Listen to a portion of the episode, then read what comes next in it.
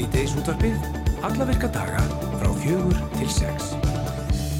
Og það er Guðrúndís Emilsdóttir og Andri Freyr Viðarsson sem ætla að vera með ykkur í dag. Það er eitt og annað sem við ætlum að taka fyrir. Uh, niðurstöður, nýjustu talningar húsnaðis og mannvirkjastofnunar á íbúðum í byggingum hafa verið byrtar og í ljós kemur að samdráttur er í fjölda nýra framkvæmta vegna íbúðabygginga á landinu. Og við ætlum að fara yfir helstu niðurstöður HMS uh, hér á eftir þegar Elmar Þór Ellensson, framkvæmtastjóri hjá uh, húsnaðis og mannvirkjastofnun, kemur til okkar. Hafstein Vilhelmsson er 39 ára fjölskyldufæður búsettir í Kópavóinum. Hafstein var ætletur hingað til lands frá Sri Lanka þegar hann var aðeins eins og háls mánaða en uh, hann veit lítið sem ekkert um uppröðinu sinn. Hafstein ætlar að koma til okkur eftir í síðdeisóttarpið og segja okkur sögu sína og fara yfir þær áskorunir sem hann hefur staðið fram með fyrir vegna þessa. Umræðu þátturinn Torkið fyrir loftið eh, í kvöld á rúf. Þetta er þáttur í beitni útsetningu þar sem að fólki í landinu varpa fram spurningum og, og stendur fyrir máli sínu. Og í þessum fyrsta þætti þá verður umfjöllunar efnið mömmu skömm eða mannvisku bit. Umsjónamenn þáttarins þau Sigriður Haldurstóttir og Baldin Þó Bergsson ætla að koma til okkur eftir og segja okkur betur frá þessu. Við munum ræða um eh, ferfælinga og, og uh, það við hana Theodor Robertsdóttur sem er dýra hjókurna fræðingur. Hún ætlar að svara spurningum um hunda og kattahald en þó aðalega hunda sem að fer heldur betur fjölgandi hér landi. En við ætlum að byrja á sig hérna. Uh, Lógi Einarsson, þingmaður samfélkingarinnar, er fyrsti flutningsmaður þingsálíktunar tillögu sem að hann á samt 20 öðrum þingmannum úr öllum flokkum lögðu fram fyrir helgi á alþingi um að sjúkrahúsin og akkurýri verði kle gert kleifta að framkama hjartafræðingar. Og í álíktunni er lagt til að alþingi feilir á þeirra að hefja þegar í stað vinnu við að gera sjúkrahúsin og akkurýri þetta kleift. Og hann er á línu hjá okkur, hann Lógi Einarsson, hvað er og blessaður? Já, komið blessuð. Þið leggið þetta fram fyrir helgi en forsaða málsins, hún er nú eitthvað lengri eða ekki? Jú, jú, þetta var hluti af svona framtíðar sjúkrahúsins allt til 2021 og það var gerð físileika konun, sænst ráðgjáða fyrirtæki. Þar kemur í ljós að það eru margir kostir við þetta. Þetta uh, jafnar auðvitað aðgengi landsmanna á mikilvægur heilbíðisjónustu. Þetta gerir sjúkrásin akkurir betur kleift að vera þetta varasjúkrás sem það er fyrir landsbyttalan og auðvitað er þetta líka gott held ég fyrir landsbyttalana þessu er fleiri sem sinni þessu álæginu þar mikið en, en, en, en fyrst og fremst snýr þetta líka bara að því að rýsa undir því sem að stendur í lögum með heilbíðisjónustu að tryggja öllum jafn aðgengi og jafn að rétt til hennar. Mm -hmm. Og þið talið líkum það að þetta myndi til dæmis minga ferða og dvalakostna sjúklinga og, og aðstæðenda til dæmis já, eldra fólk sem að þarf að leita sögur í, í slíkar aðgerir? Já, það er nefnilega mjög mikilvæg punktur og þegar að ráðuniti fyrir að skoða þetta þá nægir auðvitað ekki að horfa bara til þess kostna sem fellur á ríkið vegna slíkra aðgerða. Það gleymist ofta að það er mjög mikil kostnað sem leggst á einstaklinga vegna ferða, vegna dvala fyrir sunnan, vegna vinnutaps og fleiri slíkra þáttar. Þannig að þetta er bara mjög brínt mál. Mm -hmm. Ertu bjart síðan að þetta náði fram að ganga? Já, já, ég er það auðvitað. Það sem er gott við þetta, það er þriðjungur allra þingmanna sem eru meðflutningsmenn á þessu máli. Það er fólk eins og nefndir áðan úr öllum þingflokkum. Það er allir þingmenn norðaustu kjörtanis. Þannig að ég líti að lesa það úr því að það sé ríkur vilji til þess að stýra þetta skref og, og hérna, þróa þjónustun áfram. Mm -hmm. við fylgjumst spennt með þessu máli. Lógi uh, Einarsson, takk fyrir Já. að vera á líninni hjá okkur. Já, og kæra þakki fyrir að hingja. Takk. Bless. Og úr þessu beint yfir í Guskus. Þetta kom, kemur okkur til með að rýsa upp og jáfnveil dansa. Þá veit ég hvað. Þetta lag er When We Sing og þarna er það vög. Þetta er Guskus og vög. Ekkert fít, þetta er bara og.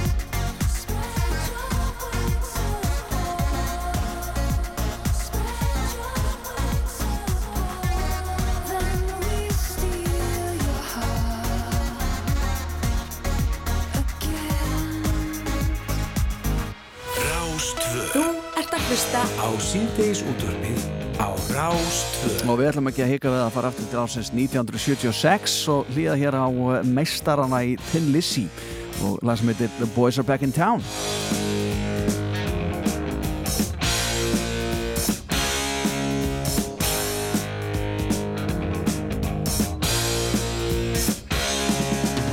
Guess who just got back today? Them wild-eyed boys that had been away haven't had much to say. But man, I still think them cats are crazy. They were asking if you were around, how you was, where you could be found. I told them you were living downtown, driving all the old men crazy.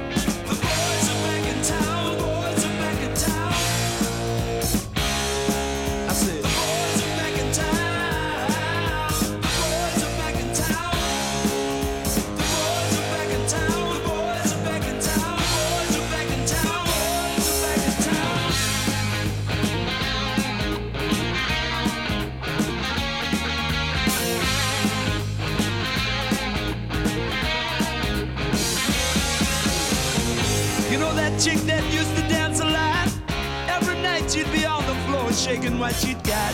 Man, when I tell you she was cool, she was red hot. I mean, she was steaming. And that time over at Johnny's place, well, this chick got up and she slapped Johnny's face. Man, we just fell about the place. If that chick don't wanna know, forget her. The boys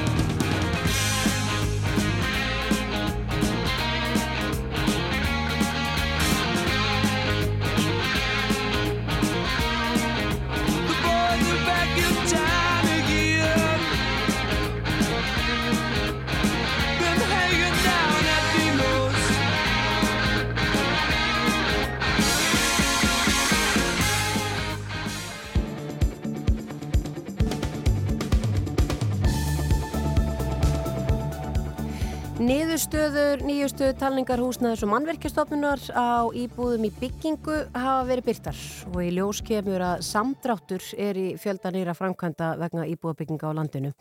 Og við ætlum að fara aðeins yfir helstu niðurstöður HMS eh, núna næstu mínundunar. Hann er komin til okkar hann Elmar Þór Ellensson, framkvæmdastjóri hjá HMS. Velkomin. Takk fyrir. Það er samdráttur og töluverð samdráttur, er það ekki? Jú, það er kannski ekki beint samdráttur í fjölda íbúið byggingu en ef við rínum aðeins í hvað er í byggingu og hvernig byggingum vindur fram þá sjáum við að það hefur verulega hægt á. Og við greindum það núna bara síðast í, í mass, við teljum þessu tviðsum ári þar sem við förum um landið og fylgjumst með byggingarsvæðum og metum framönduna í þeim tilgangi áallega með hversu margar íbúr koma á markað á hverjum tíma þannig að, að við sáum svona skýrmerkjum það í mass síðastlegin að framönda var ekki með eðlum hætti þannig að, byggingaralins voru búin að hægja á uh, síðan er það kannski sem að við sáum núna að það er algjörlega rosalega mikið samdráttur í fjölda íbúða sem að fara af stað á milli talninga. Þannig að það er færri íbúður sem fara í byggingu heldur en við höfum allt áður. Mm -hmm. Og hvernig er, er það? Þannig að þetta er vantarlega þá að skýrast af uh, því að það eru allir að halda, allir að draga saman og halda að sér höndum. Já, það, við veitum alltaf að vakstast í landinu er mjög hátt. Um, við sjáum líka að það er að fjölga núna íbúðum sem að eru fullbúnar, við metum það fullbúnar en standa tómar þannig að það er erfiðara fyrir byggingaræðina núna að selja íbúður út af háu vakstastígi, færri standa skreiðslumat og svo framvegis þannig að það er talsast óvisa í byggingageiranum fyrir íbúðuppbyggingu í, í eins og staðinni í dag mm -hmm. Er þetta þá nýtt vandamál því að hérna, áður var nú vandin sá að það voru ekki til nóga margar íbúður og, og nú er það komnar og, og, og bara á dýrar og standa tómar? Nýtt vandamál já, sko, íbúðamarkarna á Íslandi hefur verið rosalega seflukendur og það virðist verið einhvern veginn það er blásið til átags og, og hérna, við ætlum að fjölga íbúðum, við vitum okkur vantar íbúður þetta er ekki að því það vantar ekki fleiri íbúður uh, en svo er bara önnur öll sem að toga á móti. Þannig að við erum svona þetta er okkar verkefni, daglegt verkefni í húsnáðs og margækustofnum, það er að stula þessu jafnvægi, hvernig við getum haldið jafnvægi þannig að við séum að byggja í samrami við þörfina.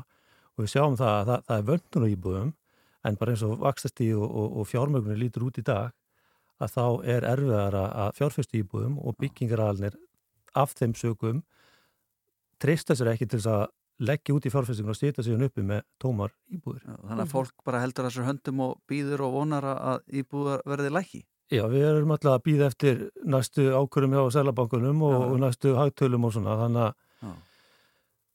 já, hvernig, hvernig það munir líti út þannig að hérna, umhverju verði sem eðilegast aftur já. sem að, eins og við þekktum að hérna fyrir ekki svo allir lengur síðan. Og það getur tekið tíma?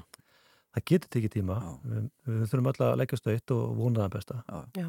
En hvað er verið að byggja mest? Vantarlega hérna á Suðvösturhóttinu og, og hvað er, hvar er, er náttúrulega byggil þarf hér. Já. En hvernig, hvernig er landslægið bara á öllu landinu? Já, það er kannski jákvæð er það að vera að byggja um allt land og, og það er kannski sín sem maður ekki oft séð áður en það er, það er þörf fyrir íbúður um allt land.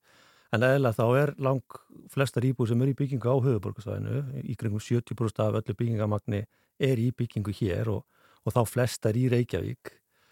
Svona þessi nákar, þessi sveit, önnur sveitafélög á höfuborgarsvæðinu sem er Garðabær, Mólsusbær, Afnafjörði til og þau Þar hefur verið gífulegu vöxtur undarförnu um, en, en, en þar virðist vera heldur betur aðeins að draga saman ef við, ef við horfum á það. En, en að samanskapi þá, þá hefur, það var núna aukast íbúri byggingu í Reykjavík. En það jákvæði er náttúrulega að það er íbúri byggingu um all land og svo hefur líka verið verulega verið aukning í íbúðum í byggingu á þessum svo kvöldu vakstasæðum í nákvæðinu höfbúrúsæðið mm -hmm. eins og Selfos, Akranes, Reykjanesbær mm. stækka mjög mikið á undarfærinu. Já, en sjáu því að þið sjáum endalið þessum tölum hvað maður búast um mörgum fullbúnum íbúðum klárum í ár. Já. Getur þú farið þannig við það með okkur? Já, út frá því sem við telljum hann um 8600 íbúður sem eru á einhver starf í framleyslunni en, en raunar af þeim séu bara tæpla 7000 sem eru í virkri framleyslu. Þannig að við metum það að það komi þarna núna í kringum rúmlega 2800 íbúður fullbúnar í ár. Síðan út af óvissunni, við veitum ekki hvernig byggingaralmennu núna bregðast við í lókast ás og upphafa næsta að þá munir verða ennþá meira samtráttur í, í fullbúnum íbúum á næsta ári. Þannig að það verður rúmlega 2600 íbúi sem koma inn þá fullbúnur á næsta ári. Mm -hmm. En hvernig spáur þetta verði? Að því að tökum dæmi Sigur Hannesson, frangatstjóri samtaka einarins, hann var, uh, já, að, uh, hann er óanaði með þetta, segir að Sælabankin haldi þessu öllu saman í játnum því það vanti miklu fleiri íbúður. Hvernig, hvernig, hvernig spáur þetta verði? Sko við náttúrulega erum að hvetja til þess að við höldum áfram að framlega nýjar íbúðir og, og því tengdu þá, þá hefur hefur ofinbæraðist ríkið núna stíð inn og, og ætlar að tvöfalda það magn íbúða sem að vera fjármagna með ofinbjörnum húsnæðastöningi til þess að íta við og halda uh, frambóðu nýra íbúða á næsta árum. Því við megum ekki fara í það eins og við þekkjum að það verð koma yngar íbúður inn á marka en það svo um leið og ástandi batnar að þá vitum við það að þá er bara mun flirri sem að muni berjast um hverja einstu íbúð mm -hmm. sem að leiði til hvers. Hækkandi vers. Það hækkar verðið. Já, og þá vorum við ekki góðum málum. Nei. Nei.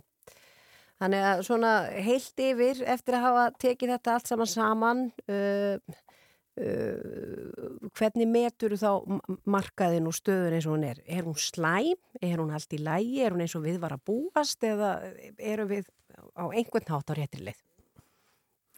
Það er bara talsur óvisa eins og staðin í dag en, en staðin er ekki hún er ekki ákjósanleg og það sem kannski vesta er að, að, að nýjar framkvæmdur er ekki að fara að stað og það getur gefa okkur vísbendingur um að það muni myndast skatt í, eftir 2-3 ár mögulega það sem kom ekki nægilegt af fullbúnum íbúðum. Mm -hmm. Nú eru þið búin að byrta þessar niðurstöður uh, og þessar niðurstöður talningar. Uh, hvað, hvað er gert við þessar niðurstöður? Hver, hver tekur þetta og fer yfir þetta og hugsa að nú þarf eitthvað að gerast? Er, er það vonast að Sælabankastjóri til dæmis bara að lesa þetta? Að sjálfsög, við, við náttúrulega, þetta er, við erum náttúrulega, eins og nefndi áðan, þetta er upplýsingar fyrir stjórnvöld, bara hérna, fyrir okkur fólki í landinu til þess að taka stöðuna, stöðuna á ákvarðanir út frá því hvernig, hvernig raunstaðan er og það er einmitt tilgangur með því að fara í að, og telja íbúðunar í byggingu til þess að varpa ljósi á hver raunstaðan er á, á þessum tíma og, og já, eins og ég nefndi áðan, þá náttúrulega var tekin ákvörðunum það að fjölga húsnæði íbúðum, nýjum íbúðum sem að fá þennan óbyrra stuðning núna á næstu tveimur árum, þannig að sjáum hvort að það hjálp ekki eitthvað til. Mm -hmm. Er ekki svolítið langt síðan að staðan á þessum markaði var ákjósanleg? Manstu, munum við eftir því? Munum við svo langt aftur? Ég, þetta er góð spurning, langt síðan. Já. Hefur neitt tíðan raun og verið þannig? Já, svo var það. Já, ég, þetta við, þetta, ég, maður þreytur svo sem aldrei um að tala um fastinamarkaðin en, en þetta er einhvern veginn alltaf í umræðinu já. og þetta virðist alltaf vera jafn mikið hvað óhemju tól já, en þú kemur og klýpur í okkur þegar, þegar við heyrum það að eitthvað komið í viðtala að segja já, staðan er bara mjög ákjósanleg Já, við erum alltaf búin að bóða til húsnæðis ádags í, í uppbygginga húsnæði því við vitum að sko, Íslandingum eða fólki í landinu er að fjölga mm -hmm. mun, mun meira heldur en það hefur gert Já. nokkuð tíma náður Mm -hmm. og það er á sama tíma sem að er að draga úr frambóðu nýjum íbúðum þannig að Þannig að það þarf eitthvað að gerast. Það skánuð ekki. Það er eitthvað að gerast. Uh, Elmar Þór Ellensson, frangatastjóri uh, hjá Húsnæðis og Mannarkistofnum. Takk fyrir að koma til okkar og segja okkur frá þessu. Takk fyrir mig.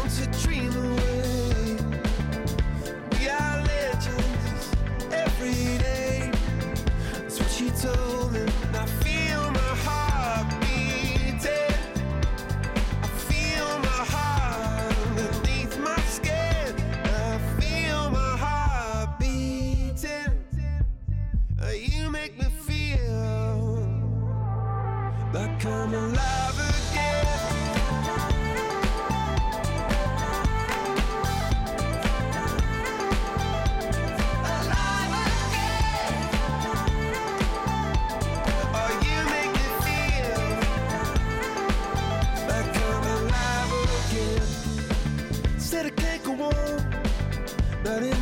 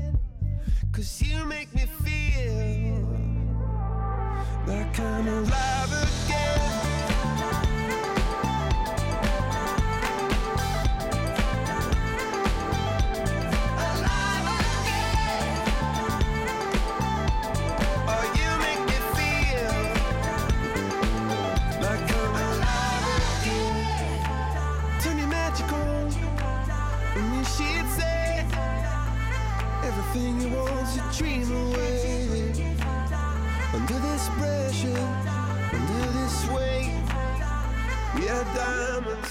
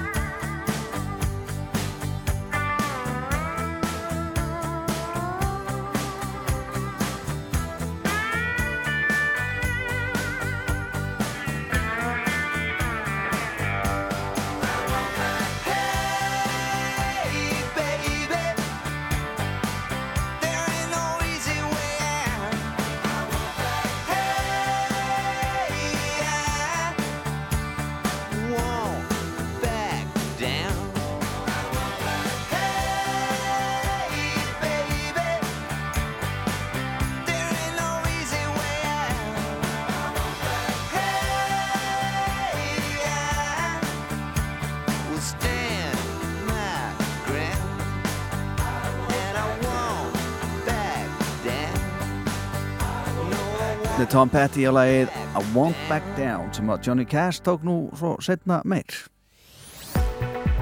Veðurhorfur næsta sólaringi mm, mm, mm. Lóksins kom að góðan fréttum en það í sittasóttumlinu Gunna Það er norðan 3 til 10 metrar á sekundu norðaustan og austalands uh, og rigning eða slitta með köplum. Ja. Veit ég hvað fólki finnst þetta góða fréttir. Það sitt síns hverjum.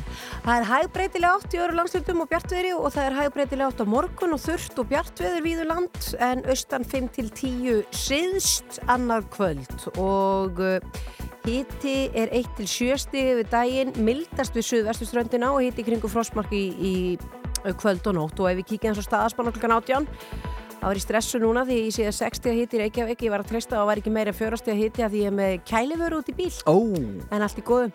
Það kemur bara ljós hvernig henni reyðir af. Uh, Bólungavík, uh, fjórastega hitti, fjórastega hitti á Akureyri, fjórastega hitti á Egilstöðum og þryggjastega hitti á Kirkjubæða klostri. já. Já, já, hann Þú voru að henda fram full persónlegum upplýsingum þetta með kæluhörn út í bíl. Nei, að því að ég mið alltaf við að ef það er uh, fjórastega hitti, þá er í lægi að vera með kæliföru út í bíl. Hvað ertu með hann í kæluhöru? Nei, ég er bara að segja. Er að, að, eitthvað svona, er þetta eitthvað jógurþurur? Er þetta eitthvað þannig? nei, ég er reynda Er með, þetta kjöt? ég er með kjúkling, Það er allt í ég leið. er hann hrætt núna, Já, sko. er Og einn ostur. Já. Hann, hann er fljótur að hérna, svona herðast þú situr aftur í ískapin. Já, svo eru egg, þau þurfa ekki að vera í ískap. Egg? Nei, nei, nei. Það er bara alveg vitlis. Já, já, já. Bursið frá því, þá bara vona ég að það sé fjórastega hitt í bílnum. Já, Já, þetta verður allt í lagi. Eh, á þessum degi, árið 1938, þá var það samband íslenskar berklasjúklinga, SIBS, sem var stopnað. Já, Já. Nú uh, árið 88 þá var uh, Íslenskt afreks fólk sem að slói gegn í Suður Kóri því að Íslendingar unnu 11 velun í heimsleikum fallara í, í Seúl í Suður Kóri 15. til 20. 15. til 23. oktober og þara voru tvenn gullvelun sem Haugur Gunnarsson og Lilja M. Snorradóttir hlutu, hvorki meirinu meina það vel gert. og svo er ég með ein, ein, eina staðrænt hérna teinda deginu sem ég ætla aðeins að býða með. Ég er aðeins svona kryddana og ætla að gera aðeins meira úr henni hérna eftir já, já, er en við ætlum að fara að tala um torki eftir smá stund. um torkið ætlum við ekki að tala um mamviskupið Jú, líka. já, já, já, já, já, þannig að það er nóg framöndin það uh, hér er komið að uh, hvað segir maður, þetta er hérna sjúkrakassinn, First Aid Kit. akkurat Emiljú, heitir þetta lag Við tala líka um mömmu skömm. Mömmu skömm, Já. hans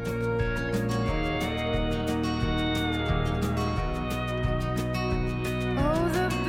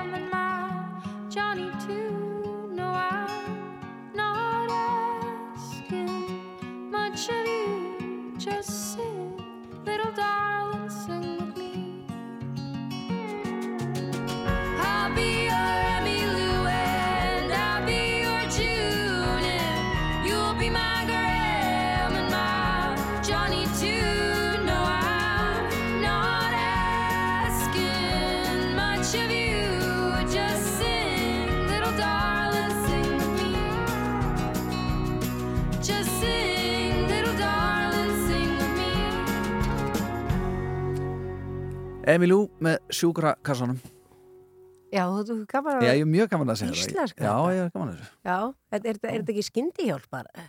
First aid kit Ég veit það ekki, er þetta ekki kallað sjúkrakassi? Ég held að fólki hérna sem situr í stúdíunni okkur akkur núna, það veit að Akkur áttu það að vita eitthvað um þetta? Jú, reynda, ég veit, jú, Baldvin ætti kannski að vita eitthvað um þetta. Horfða á þetta fólk, er Já. þetta ekki klára fólk? Jú, þetta er klárt fólk. En sko, ég var bara að hugsa um skilgreiningun á þessu. Við Hva- bara segið á þessu. Við erum Er- með Sigriði Haldursdóttur hérna og, og Baldvin Þó Bærsson kom gunga sérstaklega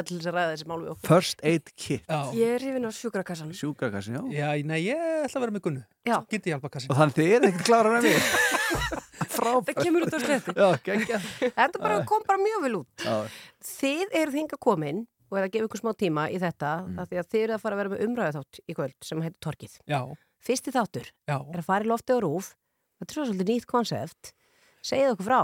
Já, þetta er uh, allt mjög spennandi. Við ætlum að hérna, gera þetta einu sinni í mánuði. Þá ætlum við að, að hitt- hitta svona stóran hópa fólki hérna niðri í, í, í stúdíu A. Uh, sleppum kastljósi svona eitt kvöld í, í, í mánuði og erum með þetta í staðinn. Um, taka fyrir svona eitt málefni í hverjum þetta. Já, fáum fólki í sjónvarsal en svo erum við líka að kalla eftir því að, að bara fólki í samfélaginu tekið þátt og það hefur bara þegar gert það, við hefum svona beðið um það í aðdraðanda þessa þáttar að við fáum sendskilabóð og annarkvært bara tölvupósta eða myndskilabóð og svona, já, þannig að það geti einhvern veginn allir tekið þátt í þessu samtali. Þannig að þið er að draga þjóðina af borðinu Það má segja það. Já, Já, við ætlum að reyna að gera það. Já. Okkur langar til að fá, sko, okkur, okkur langar til að þetta sé ekki þáttur þar sem við einhvern veginn spurjum allra spurningana heldur að þetta sé meira svona eitthvað sem að Mhm. e, komið svolítið frá þjóðinni og að gestirnir að þeir svona spjallir svolítið sín á milli. Já, eins og á kafastofunni. Já, það er bara daldið það sem við erum að leita. að. En, en, en að ákveða hvað á að taka fyrir Mm og þetta sem þið ætli að taka fyrir í kvöld sem að er mömmuskömm eða mammvisku bit -hmm. þetta er daldið, já, þetta er eldfimt efni, hvað, af hverju þetta? Já, þetta einhvern veginn kom til okkar, sko ég kann nú ekki nákvæmlega útskýra af hverju eða hvernig Já, já, við, sko, við náttúrulega erum með bara e, stóran hópa fólki með okkur sem að við fengum, hérna, fengum að hitta og setja sniðu með Mm. og allir svona lögðu hugmyndir í púkið og þetta var bara hugmynd sem að kom þar og hérna, í- mér hefði aldrei dótt í hug að tala um þetta Mhm. en það vissi ég eiginlega ekkert alveg hvað þetta væri þannig, sko, ég hef ekkert velt þessu mikið fyrir mér. Og er ekki þjáðst af uh, mömmuskömm Tja, það er nú meðalans það sem við ætlum að ræða um í kvöld. Já, er, er hérna, geta pappar verið með, með pappaskömm Mhm. um, Því eða er þetta bara eitthvað bull í okkur? Ég hitt hérna í gær sem var með held ég alveg öruglega pappaskömm Já. Þetta var á svona grímuballi eða svona rekkjákuballi og við vorum okkar að spjalla saman þá sagði hann mér já ég kom hérna eh, núna lóksins sko að því fyrra þá kom ég og las eitthvað vittlist upplýsingarna þannig ég kom með stelpuna sko á ballið í síðasta læginu sko og það var nú ekki svona hápunktur í mínum ferli sem faði sko og ég skinni að það, það geti verið pappaskömm eða hvað, eru það að fara dýpra Er- svona ballið er á milli þetta og þetta og Já. hann mætti alveg í loki Já, og stelpan alveg upp stríluð, rosa spennt, svo kemur hún bara og það bara tínast úr salnum Einmitt. og síðasta lægi er í gangi, hugsið sko þetta, þetta getur alveg verið hluta af því en þetta er auðvitað þessi sko tilfinning sem að kannski sérstaklega mæður lýsa Já. yfir að þær einhvern veginn þurfi að vera uh, svolítið fullkomnur á öllum vikstöðum ef þær vilja fara að vinna og, og, og hérna uh, ekki taka lengra fæðingarólof þá fá þeir samvinskupið yfir því en það fá líka samvinskupið yfir því að einhvern veginn að, að vera ekkert í staðar fyrir batnið Mhm. svo eru það allir dagarnir og, og hérna sko þriðjavaktin tengist náttúrulega rosalega mikið inn í þetta líka sem Mhm. náttúrulega er verið að ræða í þessu kvenna verkvalli mikið á morgun og, og hérna þannig að svona uh, það er þetta álag sem að fylgir því einhvern veginn að halda utanum allt og, og þurfa einhvern veginn að vera, vera fullkomin allstaðar. Já, og ég held að sko þetta sé uh, ek ekkert nýtt. Ég held að mæður hafi fundið þessa tilfinningu og fóreldrar langa lengi. En uh, kannski orðin eru svona frekar nýju tungumálunu og svo er líka bara núna í fyrsta sinn búið að rannsaka þetta eitthvað.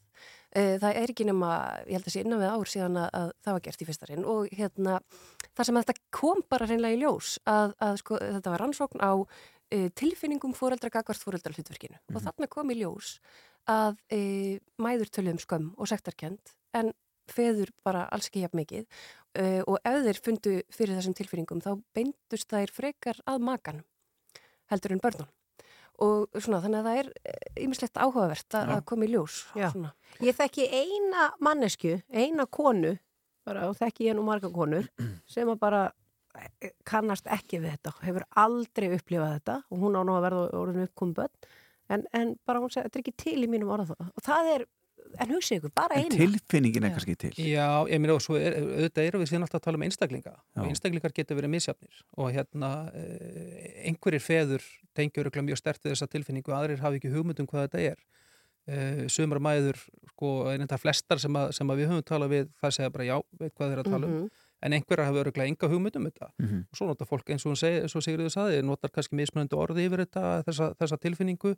Og, og svo þetta má heldur ekki gleyma því að þetta er ekki bara eitthvað svona eitthvað svona, ég lega mér að nota orðið svona forrindavandamál, bara æ og batni mitt var ekki nógu fínum kjóla á ballinu, heldur getur þetta snúist um bara mjög alvarlega hluti þar sem þetta fer bara að fara yfir í kvíða og þunglindi þar sem þú ert að einhvern veginn að, að tengja mögulega veikindi barsins þins við það að þú hefur ekki staðið þessu móðir þannig að þetta er alveg, þetta er, þetta er alveg hlutur Já. og hérna eitthvað sem skiptir bara mjög stóran hluta þjóðarnar mm. Mm. máli Torgið heitir þátturinn og verður að dagskrá í kvöld klukkan 20 mítri átta og þarna verður þið eins og þið sagði hérna áðan, með alls konar fólk í salnum og sem er að spyrja bara þá mæntalega alls konar spurninga e, er eitthvað svona fólk sem vilji nefna sem er með ykkur í kvöld eða er þetta bara, um, bara alls konar fólk úr þjóðfélaginu?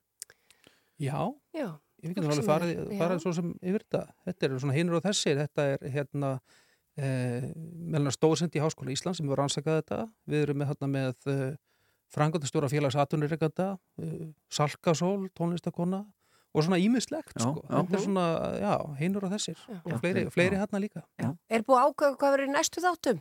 Því kannski þurfum við ekkert að gefa það upp á Svo hverju núna. Ég er mjög spennt fyrir torkinu, þetta er svona, svona, svona lítill þjóðfundur. bara klára þennan Já. Nei, nefnilega ekki, sko, það er eiginlega hérna, það er allt undir bara hérna, ég segi ekki að kótakerfið verði í næsta þætti en það gæti alveg verið það. Já. og við viljum endilega bara fá hugmyndir frá fólki að núti akkurat. Torgið í kvöld klukkan 19.40 eða 20 minnur í 8 eh, ég segi bara gangi ykkur vel með þetta og það verður gaman að fylgjast með næstu þáttum og þið komið hingað í sitis og kannski pikkið okkur og hitti okkur hans upp og láta okkur vita hvað verður á daskó ekki spurning Ekki spurning. þeir eru eitthvað gunnaði spennt Já, ég er mjög. og hún var að fá að vita á döndan öllum ég sko. ætla að horfa á já, þetta. já, þetta ekki það Sigriður Haldós og, og Baldin Þór, takk fyrir komina. Takk, takk.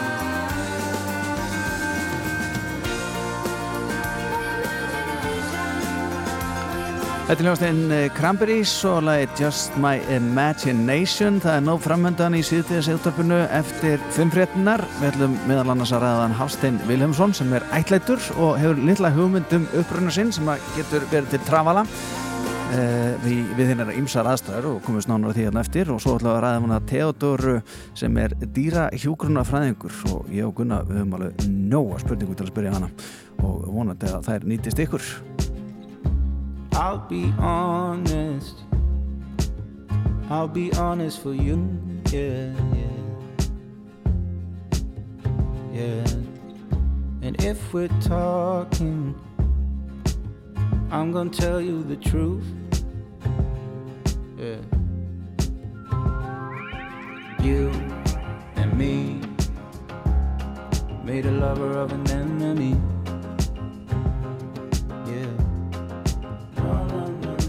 Stockholmsville We're gonna make a memory. Cause you've been on the west side Showing them your best side. You've been wearing new Jeans and shoes. While I've been living less life Sleepless get no rest nights. Thinking about us and how I do. You and me made a lover of an enemy. Yeah, yeah. Stockholmsville. We're gonna make a memory. Okay. Do you remember when she lied to you? Remember she almost fooled me too? You could do better, I mean honestly. This is your city, it's your Stockholmsville. Light rain is a veins, diamonds on my face. I don't wanna say I'm not okay. Þetta er Rástvö Fyrst og fremst með þér. Við erum að byrja þennan klukkutíma á Rúnari Þór og hér er lag frá honum, þetta er hans nýjasta lag. Þetta heitir Konungurinn Vetur. Andlátstunur sumarsins hafa hljóðnað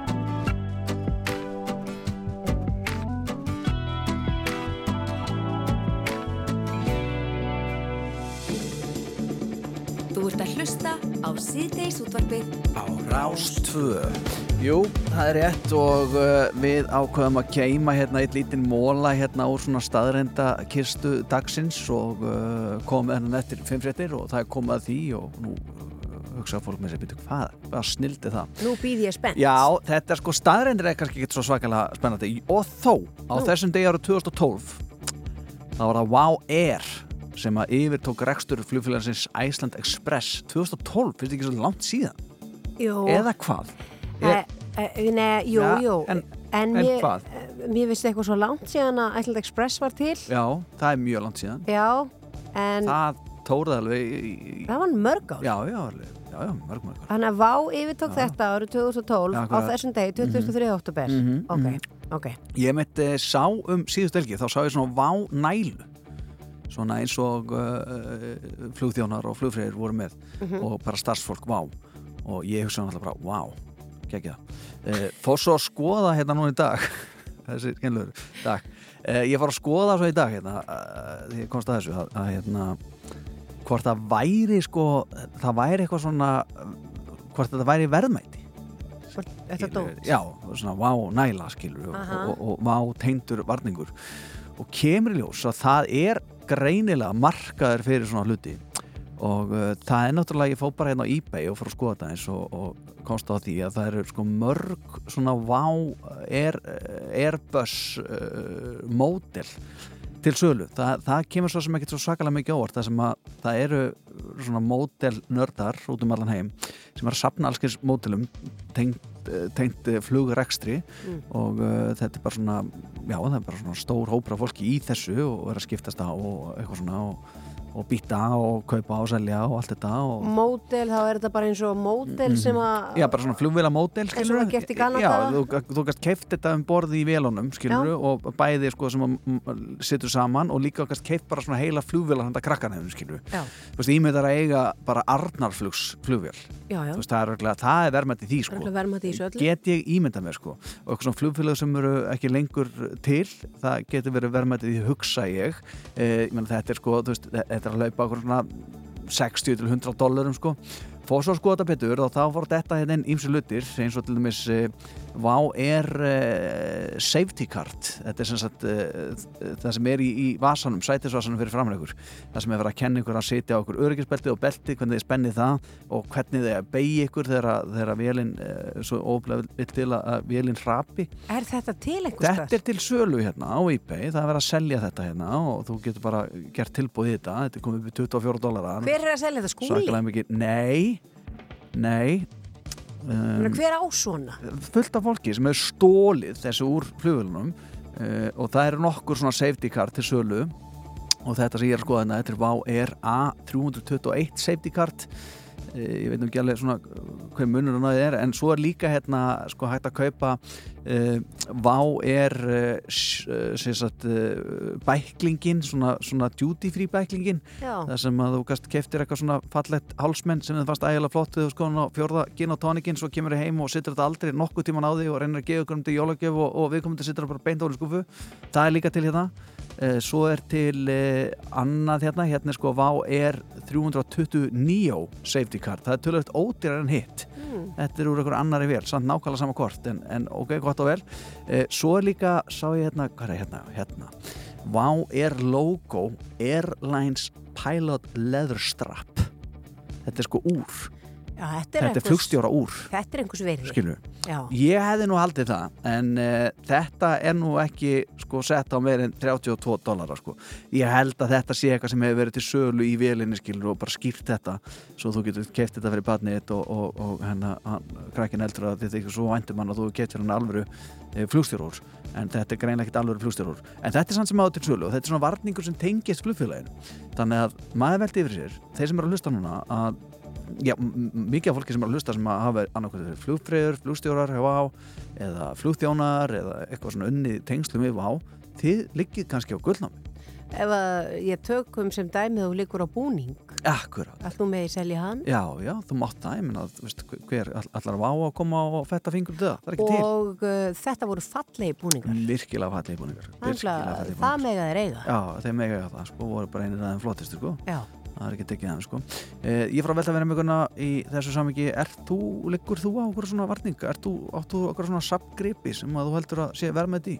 Nei, ekkert, nei. þú er svo gjörna að henda alltaf. Þú hendi alltaf Eins og ég á nú samt aldrei mikið að drastli já, já, þá á ég ekkert eitthvað Ekkert svona, nei, ekkert svona eitthvað svona sem að væri einhvers virði nei, og svona sapgripir. nei. Nei, ég, ég er alveg að gera það í brók hana. Já, manstu þeirra heppi í skítamál kom og gaf mér Kango aðrinsinn, appisengula Já. Varst þú ekki með mér hérna þá? Jú, jú, Kango aðrinsinn sem var alltaf með svona ögur Ég og hann sko, þú átt hann. það er verðmætti sko Það er verðmæti. Myndi ég halda Jú, jú. og svo hérna, Vá, það er verðmæti. það er verðmætti sko Já. Mér þarf til myndir á hann með hann hatt sko Jú, já, náttúrulega daldi að varningi eh, með einandra áturinn frá Herberti Guðmunds. Já, einmitt Það er svolítið, já, aðeins að því. Það getur orðið Já. einhvern tíðan Ég Jafnvel, átti dag. þegar ég var lítill einundar áritun frá Stefáni Hilmarsinni sem var skrifað aftur á ávísunahefti. Já, þú ætti það Já, þetta hef ég fengið bara þegar ég var 8 ára gömuleg Já, já, ég á mitt sko, ég á lagalistan frá Djapla Joe, þeir spiluðu á Eyðum 92 Já, skrifuðu sjálfur á blaða sko, já lagalistan sér það. ég tegði um að sér að tóka hann sko þegar tónleikunum eru búinir Já. Fóð hann heim strauja hann, sett hann í plast. Á hann eða nákvæmlega þannig. Svo hafa maður hérna McDonalds úr sem maður fekk með eitthvað svona fjölskyldumaldið eða, eða krakkamaldið það er svona Mickey Mouse á úrunu og gift 92 Já, ég held að sé verð með því sko, geti verið. Fólku fjárs verðmæti í sódóma spólunni sem ég fekk með pylsubakkana. Nei, að, kannski eftir svona 50 ár. Já, ok. Þú prófar að sitja hann á eBay eftir Ég, 50 ég ár verð nú öruglega ekki hér þá. Nei, nei. En við hvetjum hlustendur sem að eh, hafa eftirvill unnið fyrir þetta flugfélag eða önnur sem ekki eru til lengur, til dæmis Iceland Express. Hugsaðar eiga varning það. Það er einhversu virði. Já, það er sko eitthvað svirði. Þannig að fólk uh, ekki líta á hlutin ykkar í geimslónum sem drasl eins og hún Gunnardís. Uh, þetta gæti verið eitthvað svirði. Og endilega bara næstiði farið hún í geimslu og sækja jólaskvöti, það er ekki landið það. Uh, ættu bara hennilega að vera búin að því. Þá skulle við kíkja aðeins í, í kassana og gá hvort þið finni ekki eitthvað gull sem er já, gull sem gildi. Ert þú farin að vinna í því að finna kransæn og svona? Ég er alltaf að leiðinni að flokka í burtu svona dót sem ég finnst er á árað aðeins og slitið sko. Já. Það er sund bara sem allar stendur sko.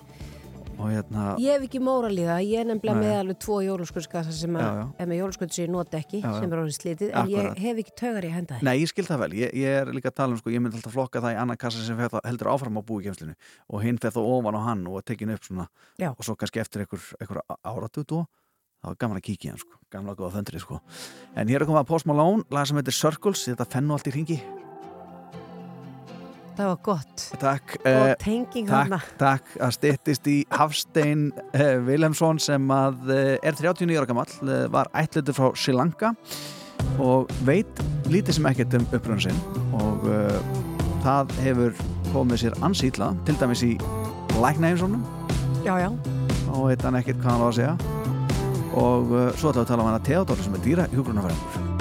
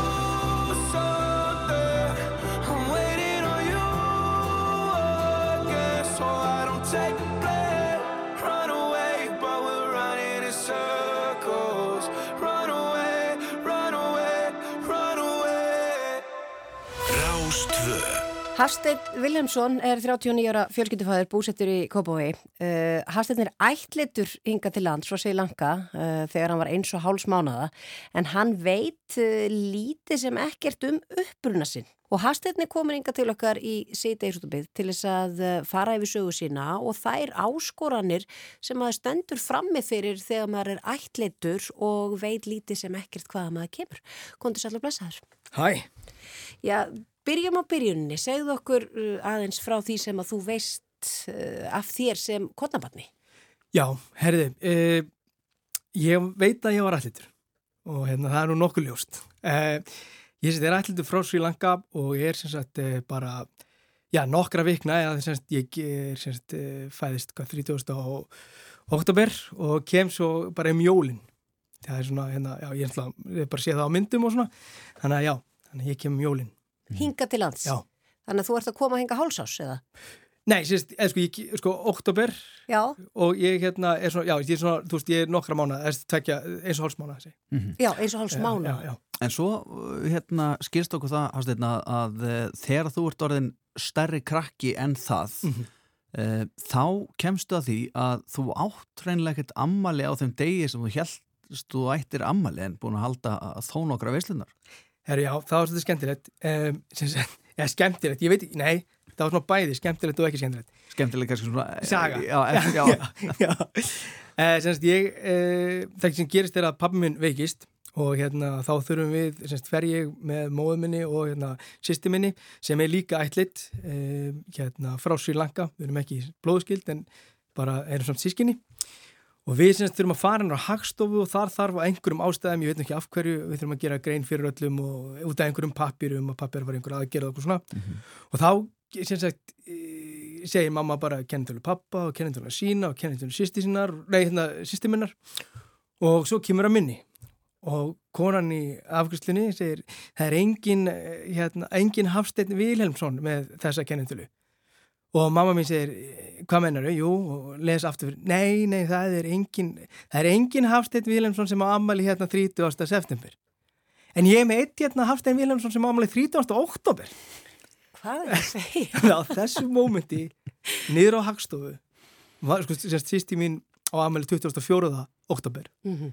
var ég eldri bróðurnar en eftir þetta samtal var ég yngri bróðurnar Já. Þetta hefur verið ákveðin skellur fyrir lítinn Hafsteinn Já, þetta var, já, þetta var bara mjög mikill skellur sko. Já, en Þannig að þú allt í norðin bara litli bróður Já Já, ég meina, það er þetta að þessu núna, en þetta náttúrulega hefur væntalega tekið á, eða ekki þarna að, að ammælistagurinn breytist og, og svona sjálfsmynd manns breytist kannski aðeins þegar maður er svona lítill. Nei, sko, um, það gerði þann reyndar ekki, sko. Þú Veist, hérna, ég held að sýsti mín hafi kannski tönglast á þess að hún var stóra sýsti mín í kannski nokkra vikur, sko. Já. En síðan breytist þetta ekkert. Ég, mér fannst þann pínlítið eins og ég var að græða, held ég geti haldið upp á tvo afmælstafa, 30. september og oktober, mm. -hmm. nýja og gamla. Já. En það duði stutt, kannski ár. Já.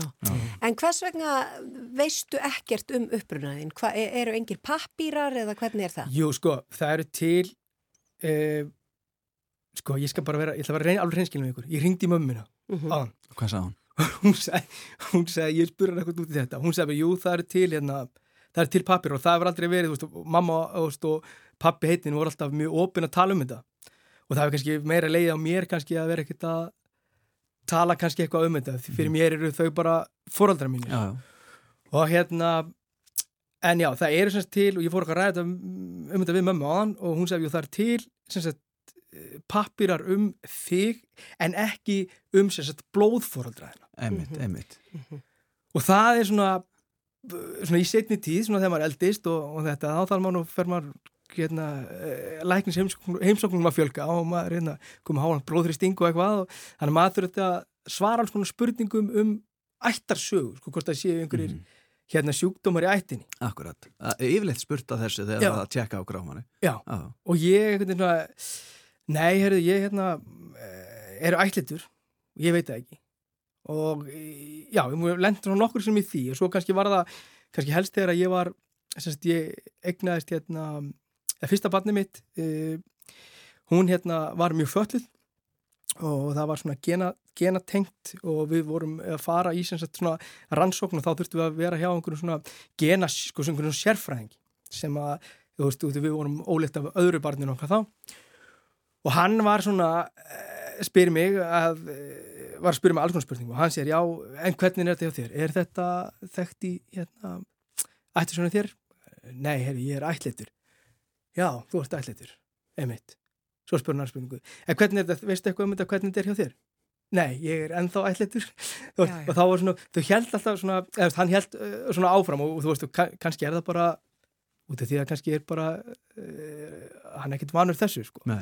en þá fór ég líka bara að pæli því, já ok, veist, er þetta uh, kostur eða er þetta galli? Já, þetta er ákveðið svona, ef maður fer að sletta ákveðið svona glitch í, Já. í, hjá þér og sérstaklega þegar þú ert í læknisensungum því að eh, eins og þú segir, læknir spyr bara aftur veist, það, það, veist, þetta er svolítið erfitt að átt að segja á því hvort að þú sett með eitthvað svona erðagalla Já, og ég hérna ég er bara eitthvað svona ég hugsa þetta einhvern veginn svona bara þetta er alveg kannski bara pínu næs að vita þetta ekkert. Já, ég, ég er það láta, láta bara koma sér óvart. Já, já, eða þú veist, þannig, skilum mig. Já, veist, já. ef að ég já, hvað ætla ég að gera? Jú, jú, Já, geti verið að passa mig hinn og þessu sko, en Mhm. kannski bara hvetja mig meira til þess að lifa kannski bara heilbyrjar lífstíl og fara ofta til læknis og fara ofta, já.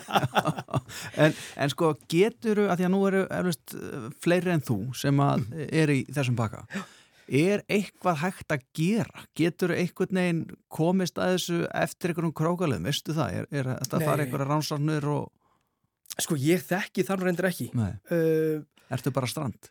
Já, eiginlega sko, og kannski er það líka bara uh, kannski er það líka bara pínu mér að kenna sko. Og það mér hefur einhvern veginn bara verið bara þú veist, ég hef einhvern veginn aldrei verið neitt eitthvað sérstaklega forvitin um það uh, sko hvaðan ég sko, ég, jú, hvaðan ég kem, þú veist, einhvern veginn muni fara með fjölskyldundin Sri Lanka og, og sjá hvaðan ég kem Mhm.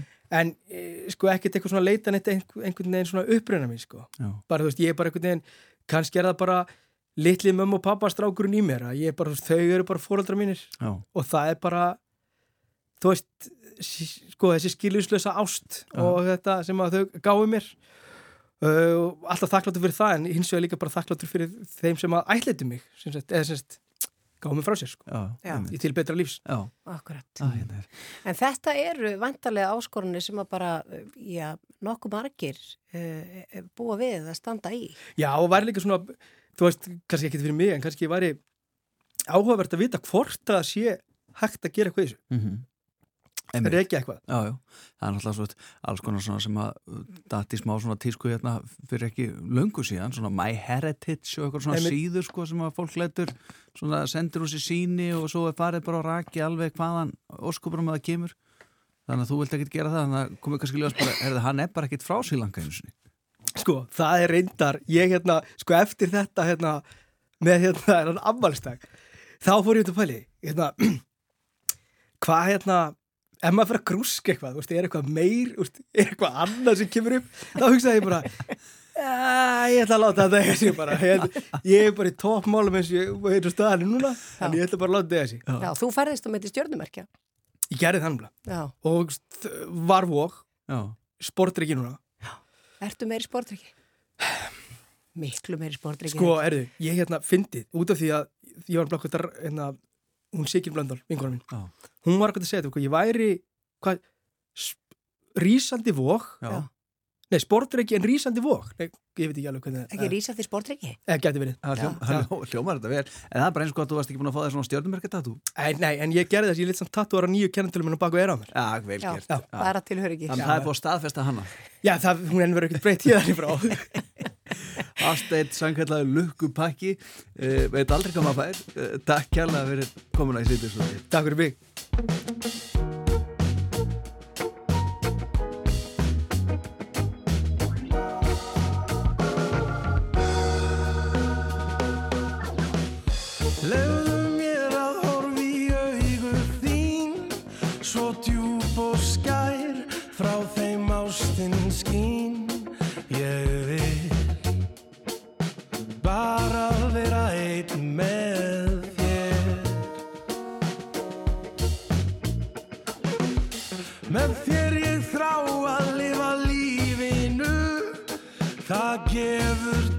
tilgang okkar tilveru án þín. Ég veit ekki hvað byði mín.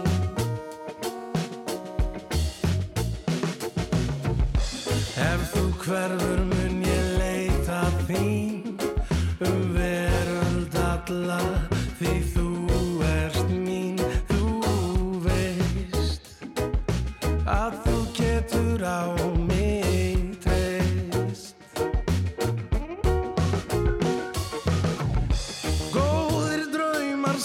sögur þær að við munum eignast stjörnur tvær.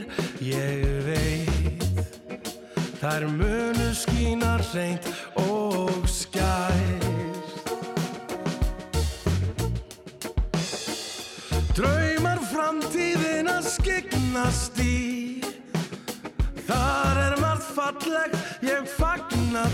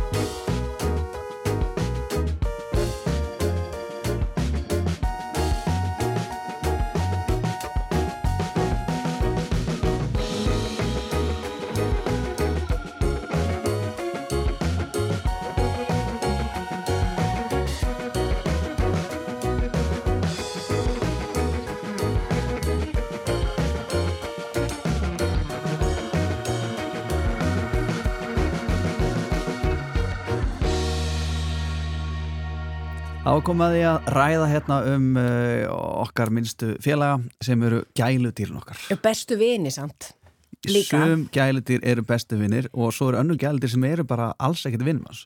Hæ? Já, Er það? já, Það er nú- hefur átt dýr í búri? F- Ekki, ég er ekki að tala um hundabúri, hefur átt dýr í búri? Ég hef átt í fiskabúri Já, er það vinniðinir? Nei, manstu, við tókum það nú einu sinni fyrir sá fiskur sint alltaf á bakinu Akkurat. og það er, ekki, það, er, það er svona já, það er svona ákveðin mótmæli því þannig að það er ekki vinniðin og uh, fleiri svona búradýr en hundar vissulega og kísur skulum líta á það sem okkar bestu En hamstrar, er það ekki að fyrir eftir hvernig, já ég veit það ekki eh, við skulum komast að þessu því að við erum komið eina hérna frá dýrheimum sem heitir Theodora Róbertsdóttir og hún er dýra hjúgrunafræðingur og veit tölvert meira en við, vona ég með þessa uppáskynningu og, og, og þessu viðtali sælblessu og velkomin í síðan Já, takk kærlega fyrir það. Hvað segir þú okkur um þetta þegar Gunnar segir okkar bestu vinnir? Eru öll dýr, gæludýr okkar bestu vinnir? Sko, ég hugsa að það farir, einmitt, svolítið eftir skilgrinningunni hvað við taljum sem okkar kannski bestu vini og hérna, og auðvitað er það kannski líka misast eftir í hversu vel við tengjumst uh, okkar dýrum og hversu vel við hugsaum um þau og annað, þannig að það er kannski margi faktorar þannig inn í. En jú, við höfum allavega talið hundin sem er svona, hvað segja, okkar besta vin gegnum bara, já, gegnum ára raðir. Það er allavega voðalega erfitt ef þú ert með gæludýr, mm Mhm, Andrei, svo já. höldum áfram með þetta, hvort sem það er hundur eða köttur Já. og eigðir tíma, þér fer að þykja rosalega vænt um þetta Já, og, það er ekkert endilega gaggant. Já, ég, þú meina það Já, ég meina það. En ég meina, svo, svo er líka eins og uh, það verður eftir hvernig þú fellur eins með hamstur. Sund fólk á hamstur, geymur hann bara í búrinu og hamsturinn, eina sem hann gerir er að móka þessi sægi og fela sig allan sólaringin með, meðan fólk er á fótum allana. Eh, svo eru aðri sem eiga hamstra sem að leifa þeim bara reynilega að ganga um lausum. Mm. Og ég heyr nú bara meina hérna í gær sem að á hamstur sem er búin að bóra sig inn í sófasetti hjá, hjá viðkomandi og hún leifir það bara. Ég held að þeim hamstur líður kannski svona eins og hann eigi heimilið. Eh, svo eru kanínur. Það er geta verið mjög svona mismöndi. Ég, ég til dæmis átt kanínur sem var alveg óþólandi upp á þrengjandi. Þú veist að það var alltaf í andlitun á manni og vildi hvergi annars staði vera en bara einhvern veginn ofan á bringan á manni en það er alveg þetta skítandi út um allt. Þannig að það er munur á svona smádýrum líka, er það ekki? Jú, við erum náttúrulega, hvað segja, ég sjálfsög vinn kannski mest með hundum og köttum og hunda og katta eigandum, Já. en það er rosalega munur á milli gæludýra og í rauninni þörfum þeirra og hvað segja, hvernig þeirra lifnaðarhættir eru. Um, við erum með kettir sem eru frekar sjálfstæð dýr, vilja flesti kannski samt verið í návíi við okkur. Eh, svo erum við með hundar sem eru henni bara algjörlega háðir því að við hugsum um þá. Þannig að það verða öðruvísi tengslinn og í rauninni kannski gegnum ára ræðinar höfum við þurft að nýta hundin meira. Þannig að það eru kannski öðruvísi þarfir og öðruvísi ummunun sem að býr til þessi, te- hvað segja, sem að býr til þessi sterku tengsl. E- Eru, mann finnst einhvern veginn eins og maður sjá fleiri hunda á götum núna en maður gerir kannski fyrir 10-15 árum síðan. Eh, Eru Íslendingar meira að fá sér hunda núna en áður? Sko hundaeign hefur auðvitað aukist alveg gífulega en, ég, en að við hugsaum út í að þá eru ekki langt síðan að við máttum reynilega ekki lappa með hundin okkar neyra á sko laugaveginum. Akkurat, akkurat. Þú veist, þannig að við, þetta er búið að vera rosalega mikið skref fyrir rauninni bæði Ísland og fyrir kannski Reykjavík að fara að samþykja hundahald í Reykjavík og það er í rauninni samt ennþá bara samþykkt með ákveðnum, segja, skráningaskildum þannig að við erum ennþá takmörkuð í hundægninni okkar hérna. En auðvitað er þetta aukast og, hérna, og við sjáum til dæmis núna í gegnum COVID-faldurinn fræga að hérna, þá hefur hundægn aukist gífulega. En já, þannig að þetta er svona vonandi fyrir þetta, já, að verða svona meiri partur af kannski daglegu lífi fólks að mæta hundum minna. En varðandi hundana, það hljóta að vera konar miklu fleiri tegundiringað heldur en voru. Já, mm, við erum með einhverstar á milli hundarað og 10 eða 130 hundategundir hér á landi. Vá. Það er ótrúlega tala. Já. Já. Á sumum tegundum vissulega bara 1-2 einstaklingar Mhm. en, hérna, en þetta er alveg orðin gífulegu fjöldi af e, fjölbreytni í hundaflórunni. Já, já. Þegar fólk var að fá sér hunda í, í hundraðvís eða þjóðin eh, þegar að góðið var í gangi Já. og, og fannst dæla góð hugmynd og flestir heim allan daginn og voða lítið máli að hugsa um hundin og svona eh, og svo núna, það er annað på teininum nú er eh, allt komið eðlilegt horf er fólki vandræði með að losa sig við hundana og, og, er jafnvel fleiri hundar núna sem eru heimilislausir en, en voru áður? Sko það var rosalegur ótti um það að við myndum sjá fullt af hundum í heimilisleit. Um, þetta varð hins vegar ekki eins mikil sprenging og við töldum. En það sem er kannski, það er kannski svolítið skemmtilegt að tala um hvort þetta hefur eðlilegt horf núna eða ekki. Núna erum við náttúrulega að sjá almennt að fyrirtæki er með miklu meiri sveigjanleika. Uh, mörg fyrirtæki bjóð upp á að vinna heimahlut úr degi, eða þú veist þannig að við erum að sjá svo mikla breyting í samfélaginu sem að gera fólki líka klift að vera með hund á heimilinu fyrir utan það held ég að hérna, ég held að flesti sem eru með hund átt að sá því að það er miklu meiri ávinningur af því að vera með hund á heimilinu og ég meina miklu sterkara vinnuframleg þegar þú ert með eitthvað sem veitir er hamingju sko. Mhm. En varðandi það, að því að eins og þú segir, eru 110 til hvað, 100 og hvað svo eru marga 130 tegundir, eitthvað slegis Já. ég, er ekki með- ég, ætla- ég ætla ekki alveg að negla með að nákvæma Og-.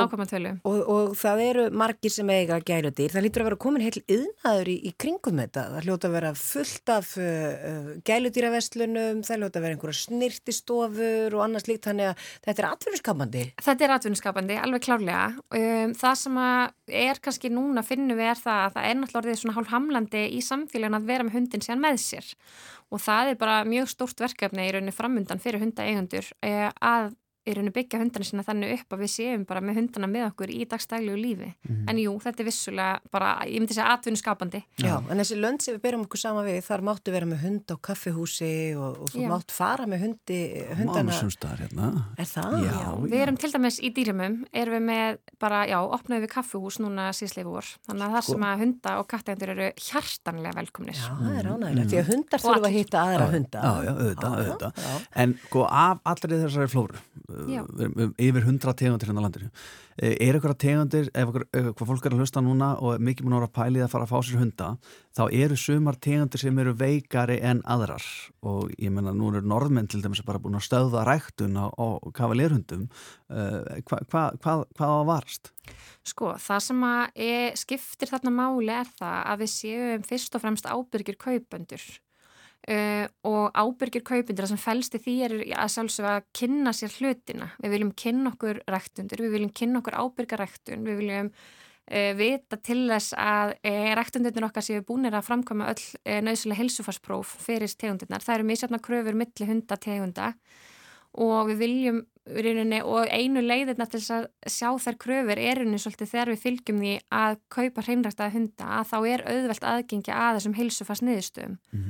og svo er það í rauninni einmitt þessi bara, já, þessi skilda okkar að skoða hvað er baku hundin sem við erum að spá í þetta er fjárfesting til 10-15 ára þannig að hérna Þannig að þetta er einu svolítið samþætt. Ég myndi ekki segja að það var einhver ein tegund endilega mikið óheilbreyðar heldur en önnur en við erum með heilsufaskvilla í flestum tegundum. Uh, ég held að sé engin, ég held að sé engin skeppna í heiminum uh, ferfætt uh, já, Já. af þessu öllu saman sem er gjörsamlega sjúkdóma laus Mhm. en hins vegar það sem er verið svona svolítið að vera að vinna að að þegar það koma sjúkdómar upp eða þegar það koma heilsufarsvandamál upp þá er það í rauninni í eh, já, innan um innan í þessum eh, rektunarklúpum eins og til dæmis hundarstafélags Íslands er hér heima vinnur innan aðeldafélag, það er rauninni aðeldafélag að e, alþjóðlegum hundaraftarsamtökum FCE um, þarna koma í rauninni að hvað sé að frá þessum FCE samtökum skýrar kröfur um heilsufarsreglur sem hundartafélag Íslands starfar að því að setja rektunarreglur í rauninni fyrir hverju eina tegund. Mhm. Þannig að inn í flestu sem, þessum hundategundum er einhvers konar kröfur um heilbriðspróf. Já, þannig að það er þá þannig verið að eh, já, passa upp á að ræktendur sé að standa við sitt og annars. En geta ræktendur, geta þeir, að því þetta er líka talandi um yðnað, þetta er heilmikill yðnaður og það er alveg, það eru peningar í þessu, þetta er náttúrulega, við erum að tala um lifandi dýr, en það eru líka fjármunir í þessu. Bensamannis. Já, já. Uh, geta ræktendur gert einhverja kröfur á uh, kaupendur, eins og til dæmis það að uh, það er verið að gelda hunda og svo framvegis? Sko, í rauninni, hvað sé að, þú veist, það sem er rauninni kannski skrítið við þetta er það að núna í rauninni gilda reglur um sölu á hundum, er þetta, þú veist, þetta er rauninni bara svo að selja bíl. Mhm. gilda sömu sérst, lög og reglur. Hins vegar er það samt þannig að eins og við tölum um að þessi einhverjar, hvað segðum, að þessi einhverju peningar í þessu. E, kostnærum bak við ummunun gota, bak við ummunun foreldra, e, e, varandi bara hundahaldi sjálft er gigantíst. Mhm. Þannig í raun og veri er í rauninni ekki miklu fjármunur sem setja eftir hjá ræktendum. Fyrir utan alltaf kannski áhættuna að fyrir tíkina að Já, eignast kolpa. Þannig að flesti ræktendur eru í þessu af algjöru hugssjón og algjöru metnaða að í rauninni bæta stopn tegundarna. Þannig að það er okkar kaupendar svolítið að finna tilfinninguna fyrir því að við séum að í rauninni versla af svoleiðis ræktendum. Já, sem er að gera þetta af ástriðu. Já. Já, já. Eh, sko, nú er sennilega svona einn og hálfu mánuð þá til að við hérna í síðdegisútfölum verðum að fjallum það að, að hvernig fólk á að hugsa um dýri sín þegar fólk verður skjótið flugöldum og Já. minna fólk að það enn en að verna.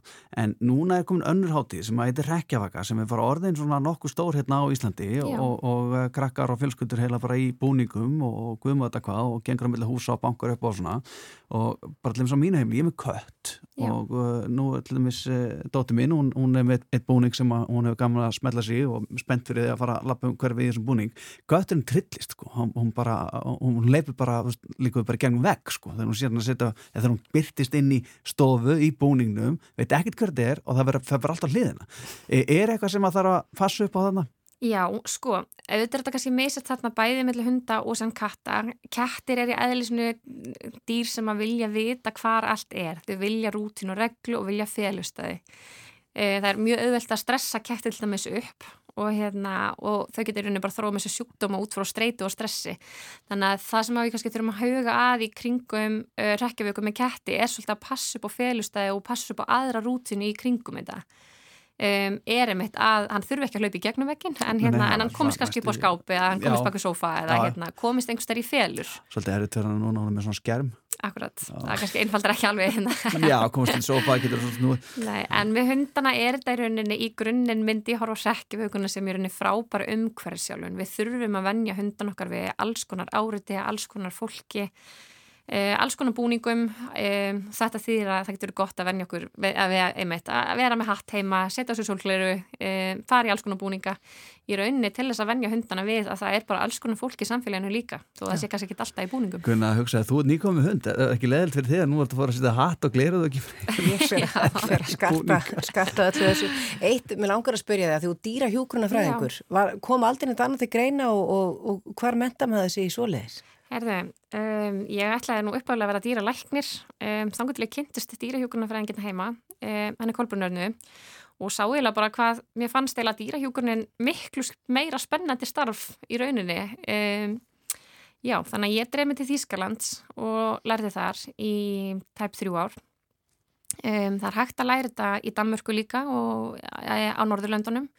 Svo eru einhverju skólar með fjarnám í búið þannig að það er svolítið bara Já, erum við með nógu mikið af dýralæknum og dýrahjúkurnafræðingum til þess að hugsa um alla þessa litlu vinn okkar? Nei, það er skortur á dýralæknum en það er ennþá meiri skortur á dýrahjúkurnafræðingum. Já. Ég held þessu um, um það beil tíu á landinu. Já. Það getur ekki verið Já, nóg. það er miklu meira það. Nei, Já. með fjölda dýra hérna, að, þá, að þá er gífuleg vöndun á dýrahjúkurnafræðingum. Já, Teodor Róbustóttir frá Dýrheimum, takk hjálfur að komuna Takk kærlega fyrir mig.